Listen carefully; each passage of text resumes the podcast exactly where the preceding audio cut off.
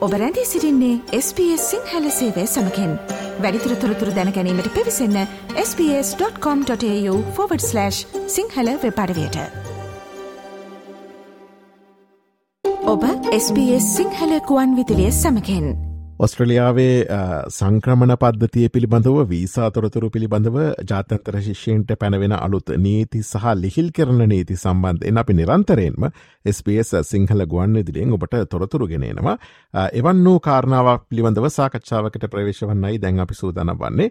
ඔස්ට්‍රලියාවේ මේ හාරසි අසූ පහ කියන වීසා කාණ්ඩය සඳහා මේ පෝස්ටඩීව කාලය දීර්ඝ කිරීමට අදාළ නැතැන් ඒ සඳහා වලංගුවන පාටමාලා ලයිස්තුව මධ්‍යම රජය විසින් නිකුත් කල තිබෙන නැත නිවේදනය කල තිබෙන ඉතින් ඒ සම්බන්ධයෙන් තමයි දැන් අපි අවධානයමු කන බලාපොරත්තුවෙන විශෂම මේ හාරසයසූ පහ විස සඳහම පෝස්ටඩීව කාලේ දීර්ඝ වූ ආකාරයත් පැහැදිලි කර ගනිමින්ම මේ සාකච්ඡාවට අපි සම්බන්ධ කරගන්නවා නිවසත්ස් ප්‍රාන්තයේ සිද්නිනුවර සංක්‍රමණ නීති පිළිබඳ උපදේශකවරයකු ලෙස කටයුතු කරන නීතිඥ රුවන් සමරසිංහ මහතාව.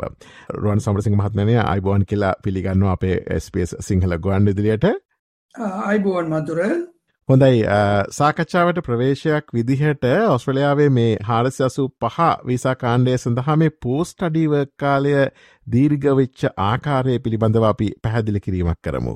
මදුර අපි ෆෝයිට් ග්‍රජුවට් වීසක ගැන කතා කරනකොට මේක ස්ට්‍රීම්ස් දෙකක් තියෙනවා. එකක් තමයි පෝස්ටඩි වර්ක් ස්ට්‍රීම් එක අනික තමයි ග්‍රජුවට් වර්ක් ස්ට්‍රීම් එක. ග්‍රජුවට් වර් ස්ට්‍රීම් එක අපි කතා කරන්නේ. නමුත් මේක දාල වශයෙන් කියලා මේක අයින් කරමු.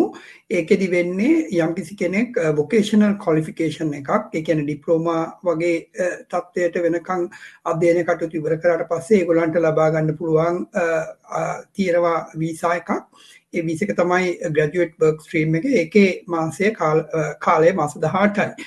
අපි ඒක නෙමේ මේ මෙතනද අදාල් වෙන්න. අපට මෙතද අදාල් වෙන පෝස්ටඩි වර්ක් ස්ට්‍රීම් එක කියන ස්ට්‍රීම් එක යටතේ බැච්ල මාස්ටර්ස් එමනතම් PhD කොලිෆිකේෂන් එකක් ගත්තු අයගේ කතාව තමයි මෙතෙන්ට අපිට අදාළ වෙන්නේ. ඉතින් අපි මේක දිගින්දිරම කලින් සාකච්ඡා කරා මේක වෙන්න කලිනුත් දැන් වෙලා ඉවරයි. ඒක නිසා මේක වඩා උචිතයි මේ අවස්ථාවේ මේක සාකච්ඡාවට ලක් කරන එක. බැච්ලර් ක්වොලිෆිකේෂන් එකක් සම්පූර්ණ කරාම මේක මම ඉතාම සැකවින් කියන්නම් ආරම්භයක් වශයෙන් බැච්ලර් ක්වොලිෆිකේෂන් එකක් මෙතෙක් දල වශයෙන් සාමාන්‍යයෙන් අවුරුදු දෙකක කාලයක් දීලා තිබ්බා. ඒක මං ඉදිරිදි කතා කරන්න යන සීමාවන්ට යටත්ව අවුදු හතරක් දක්වා දීර්ඝ කරලා තියෙනවා මාස්ටර්ස් කොලිෆිකේෂන් එකක් අවුදු තුනක ඉඳලා අවුදු පහක් දක්වා නැවත යම් යම් සීමාවන්ට යටත්ව දීර්ඝ කරලා තියෙනවා සහ PhD ඩොක්ටරේට් එකක් කොලිෆිකේෂන් එකක් ඉවර කරපු කෙනෙක් කලින් අවුදු හතරක් තිබ්බා ඒක අවුදු 6 දක්වා කාලයකට දික් කරලා තියෙනවා පසුව කියවෙන සීමා කිරීම වලට යටත්ව. ඕක තමයි ඊටාම සැකෙවින් කාලය දීර්ඝ කිරීම සම්බන්ධයෙන් අපිට කියන්න පුළුවන් කතන්දරේ.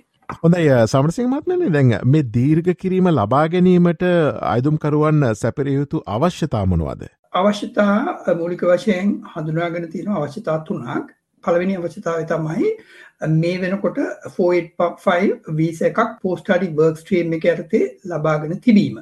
එතකොට එහෙම අයට මේක අදාළ වෙනවා. දෙවෙනි එක තමයි දෙදස් විසිතුනේ ජූලි පලවෙන්දට පෙර යම්කිසි කෙනෙක් ෆෝයිට් පෝස්ටඩි වර්ක් ස්ට්‍රීම එකට ඇපලිකේෂන් එකක් යොමු කරලා තිබ අවස්ථාව සහ ජූලි පලවෙන්දට පස්සේ දෙදස් විසිතුනේ යොමු කරන අවස්ථාව. එතකොට මෙතනදී මූලික වශයෙන් හඳුනාගන්න පුළුවන් කතා දෙකක්. පළවෙනි අවස්ථාව තමයි දැනට ෆෝයිට් පයිවිස එකක් දරණ කෙනෙක්. ඉවර වෙලාන එක්ස්පයි වෙලානෑ තම වැලෙක් ෆෝයිට් පයි එකක් තියෙන කෙනෙක්ට සහ දෙවැනි අවස්ථාව තමයි ලොච් කරලා තියෙනවා ලොච් කරලා තියෙන්නේ එක්ක ජූලි පළවෙනිදට කලින් එහෙම නැත්නම් ජූලි පළවෙනිදට පස්සේ ඒ අවස්ථා දෙකේදීම අදාළ වෙන කාරණාව තමයි මේක තාම වීසා එක ග්‍රාන්ට් කරලා නැති කියන තත්ත්වය.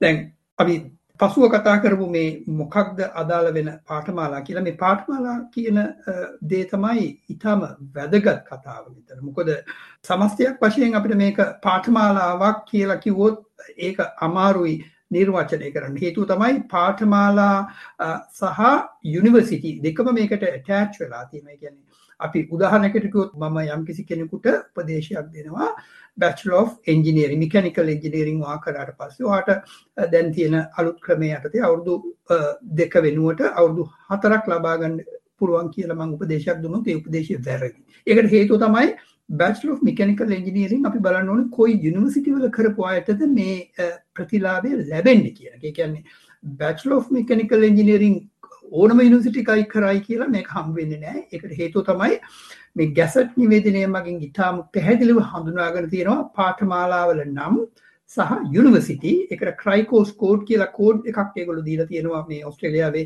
විදේශ ශිෂ්‍යයන් ඉගෙන ගන්න හැම පාඨමාලාවකටම. ඒ ක්‍රයිකෝස් කෝඩ් එක මැච් වෙනවා නම් විතරයි මේක අදාළ වෙන්නේ. දැන් අපි උදාහරණයක් ගමු. මේ මේ මේ දැන් කතා කරන ලොච් කරපු ඇප්ලිකේෂන් එකක් හෝ දැනට 485 වීසා හෝල්ඩර් කෙනෙක්ගේ තත්ත්වය ගැන කතා කරොත් අපි උදාහරණයක් හැටියට කියමු. අද යම්කිසි කෙනෙක් ස්ටුඩන්ට් කෙනෙක් ඇප්ලිකේෂන් එකක් යොමු කරලා දැන් වීසා ග්‍රාන්ට් කරලා තියෙනවා. එයාගේ වීසා බලපත්‍රය යොමු කරනකොට එයා කියලා තියෙනවා යම්කිසි ක්‍රයිකෝස් කෝඩ් එකක්. මං නැවත කියනවා ක්‍රයිකෝස් කෝඩෙක් කිව්වා මේකින් අදහස් වෙන්නේ යුනිවර්සිටි එක සහ විශේෂිත පාඨමාලාව කියන දෙකටම මේක අන්තර්ගත වෙනවා. එතකොට දැන් යොමු කරලා තියෙන ඉදිරිපත් කරලා තියෙන ගැසට් කරලා තියෙන මේ ලයිස්තුවේ මේ අදාළ මං කි උදාහරණයක් ගත්තු ශිෂ්‍යයාගේ සම්පූර්ණ කරපු පාඨමාලාවේ ක්‍රයිකෝස් කෝඩ් එක ඇතුළත් වෙලා නම් ඩිපාර්ට්මන්ට් එක දැන් කියලා තියෙන්නේ ඒගොල්ලන්ගේ වීසා එක තව අවුරුදු දෙකකින් දීර්ඝ වෙනවා ඒක ස්වයංක්‍රීය ක්‍රියාවලියක්. ඒකට යම්කිසි අමතර දෙයක් කරන්න ඕන නෑ මොකද සිස්ටම්ස් දන්නවා මොන ක්‍රයිකෝස් කෝඩ් එකද මේගොල්ලෝ ඇප්ලිකේෂන් එක යොමු කරනකොට දැම්මේ කියලා. ඒ ක්‍රයිකෝස් කෝඩ් එක තියෙනවා නම් අවුරුදු දෙකකින් මේක දීර්ඝ වෙනවා. ඒක ස්වයංක්‍රීය ක්‍රියාවලියක් කියලා තමයි දැනට මේගොල්ලෝ අපිට දැනුම් දීලා තියෙන්නේ. දෙවනි සහ තුන්වෙනි අවස්ථාව. ඒ කියන්නේ ඇප්ලිකේෂන් එකක් ජූලි පළවෙනිදාට කලින් ලොච් කරලා හෝ ජූලි පළවෙනිදාට පස්සේ ලොච් කරපු ඇප්ලිකේෂන් එකක්. වීසා ග්‍රාන්ට් කරලා නැත්තම් එතනදී මේගොල්ලෝ නැවත අර ක්‍රයිකෝස් කෝඩ් එක මැච් කරනවා සිස්ටම් එකේ මැච් කරලා ඔටෝමැටිකලි අවුරුදු බැස්ල කොලිෆිකේෂන් එකන්න ඒගොල කළ තියෙන එක අවුරුදු දෙක වෙනුවට හතරක් ග්‍රාන්් කරනවා. මාස්ට එකක් කල තියෙනවන අවුරුදු තුන වෙනුවට පහක් ග්‍රාන්් කරනවා. ඩොක්ටරේට එකක් තියෙනවන හතර වෙනුවට හයක් ග්‍රාන්් කරනවා. හරි? මෙතන නැවත ඉතාම සීමාවක් තියෙනවා. සීමාව තමයි ඒ ක්‍රයිකෝස් කෝඩ් එක මේ ගැසට නිවේදනය තියෙන ක්‍රයිකෝස් කෝඩ් එකක් නම් විතරයි මේ කාරවලිය සිද්ධ වෙන්නේ. එම නැතිනම් මේ දීර්ගවීම ස්වයන්ක්‍රියව හෝ ඉදිරියේදී ග්‍රාන් කරන විස බලපත්වලට අදාළ වෙන්නේ නැහැ කියන එක තමයි අපිට පැහැදිලිව කියන්නදී. හොඳයි අපි කතා බහ කරමින් පසුවන්නේ මේ ඔස්ට්‍රලියාවේ හාරසයසූ පහ වීසා සඳහා පෝස්ටඩීව කාලය දීර්ඝ කිරීමට අදාළ වන පාටමාලා ලයිස්තුව සහයේ කාලේ දීර්ගවන්නේ කොහොමද කියන කාරණා සම්බන්ධයෙන් මේ සාකච්ඡාවට අපි සම්බන්ධ කරගෙන සිටින්නේ නිවසෝතස් ප්‍රාන්තේ සිද්නිනුවර සංක්‍රමණ නීති පිළිබඳ උපදේශකවරයකු ලෙස කටයුතු කරන නීතිඥ රුවන් සමරසිංහ මහතාව. සමරසිංහ මහත්මෙන් දැන් මේ දීර්ඝ කිරීම ලබා ගැනීමට ස්වදේශ කටයුතු දෙපාර්තමේන්තුව නිවේදනය කළ පාටමාලාවන් පිළිබඳවත් අපි සඳහනක් කරමු. ඕ මේක මේක ඉතාම සංකීර්ණයි මේ ප්‍රශ්න උත්තර දෙන නමුත් මම මේක ඇනලයිස් කරා මේ ගැසට් නිවේදනයේ තියෙන පාටමාලා ලැයිස්තුව දල වශයෙන් පාටමාලාවන් තුන්දස් පන්සීයක් පමණ ඇතුළත් කරලා තියෙනවා. ඒක මූලික කණ්ඩායම් නමයක් ඇට ඒගොලු ලැයිස්තු ගත කරලා තියෙනවා. මං තාම සැකවෙන් කිවොත් engineering ICT medical and nursing uh, allied uh, health uh, agriculture teaching uh, professional health diagnostic and අද කියන කාණ්ඩ නමයක් ඇත තමයි මේක කරලා තියෙන මේ කවරුහට කෙනෙක් ඇහවොත් මොකක්ද මේක තියෙන වැදගත්කම කියලා. මම දකින මූලික වැදගත්කම තමයි දැන් අද වෙනකොට සම්පූර්ණ කරමින් ඉන්නවනම් පාටමාලාවක් හෝ පාටමාලාවක් සම්පූර්ණ කරලා ඉවරනම් ඒගොල්ලන්ට මෙතනින් වාසියක් ලබා ගන්න බෑ හේතු තමයි ඒගොල්ලෝ මොකක් හරි කරපු වීසා ක්‍රයිකෝස් කෝඩ් එකට අදාළව මේ දීර්ඝ කිරීම අදාළ වෙන්නේ නැත්නම් ඒක අදාළ වෙන්නේ නැහැ. ඒ ඒ ගැන කිසිම සැකයක් නැහැ. ඒ ගැන කිසිම දෙයක් අපිට කරන්න බෑ. නමුත් මෙතන තියෙන වැදගත් දේ තමයි මේක ඊටාම හොඳ ස්ටාර්ටින් පොයින්ට් එක. එහෙම නැත්නම් ආරම්භක ස්ථානයක් වෙනවා යම් කිසි කෙනෙක් මේ රටට ශිෂ්‍ය වීසා බලපත්‍රයක් අරගෙන එන්න කෙනෙක් බලාපොරොත්තු වෙනවා නම් මේ ලෑස්තුව හොඳ මාර්ගෝපදේශයක් කියලා මම දකිනවා. හේතුව තමයි මේගොල්ලෝ මේක long term list එකක් හැටියට තමයි අඳුනගෙන තියෙන්නේ. මම හිතෙන්නේ කෙටි කාලීනව මේ ලයිස්තු වෙනස් කරන්න බලාපොරොත්තුවක් තියෙනවා කියලා දෙපාර්තමේන්තුව. මොකද පාඨමාලා කාලේ අඩු ගානේ අවුරුදු 2 3 4 වගේ කාලයකට මේගොල්ලෝ මේක අවුරුදු පතා හෝ මාස පතා වෙනස් කිරීමේ අදහසක් මේ වෙනකොට දක්වලා නැහැ. එතකොට මම නැවත අවධාරණය කරනවා මේක ඊටාම වැදගත් වෙන්නේ. අනාගතයේදී පාඨමාලාවක් තෝරගන්න උත්සාහ කරන කෙනෙකුට මේක හොඳ ගයිඩන්ස් එකක්. මේ වෙනකොට අපිට මේ ගයිඩන්ස් එක තිබ්බේ නැහැ. මෙතෙක්කල් අපි කොච්චර සංක්‍රමණ නීති ගැන කතා කරත් මේ වගේ මාර්ගෝපදේශයක් අපි දැක්කේ නැහැ මේ මාර්ගෝපදේශය හොඳ ආරම්භ ස්ථානයක්. එතකොට ඒගොල්ලන්ට දැනගන්න පුළුවන් මෙහෙට ඉන්න කෙනෙක්ට මේ රටේ මොකද්ද මේ අවශ්‍යතාවය? නිපුණතා අවශ්‍යතාවය කුසලතා හිටියක් තියෙනවනම් ඒක මොකක්ද කියලා හඳුනා ගැනීමේ ඉතාම හොඳ මාර්ගෝපදේශයක් මේකින් ලබා දෙනවා. ඉතින් ඒක තමයි මම මේකින් දගෙන ඉතාම පොසිටව් කැරක්ටරිස්ටෙක් එක මේක තමයි මම දකින්නේ. මේක හොඳ uh, මාර්ගෝපදේශයක් වශයෙන් අපිට පාවිච්චි කරන්න පුළුවන්. හොඳයි අපි කතා බහ කරමින් පසුයේ ඔස්ට්‍රලියාවේ හාරසි අසූ පහ වේස සඳහා පෝස්ටඩීව කාලය දීර්ඝ කිරීම සහ ඊට අදාලනතන් ඊට සම්බන්ධ පාටමාලා පිළිබඳ විස්තර මේ සාකච්ඡාවට අපි සම්බන්ධ කරගත්තේ නිවසතස් ප්‍රාන්තයේ සිද්ධිනුවර සංක්‍රමණ නීති පිළිබඳ උපදේශකවරයකු ලෙස කටයුතු කරන නීතික්ඥ රුවන් සමරසිංහ මහතාව.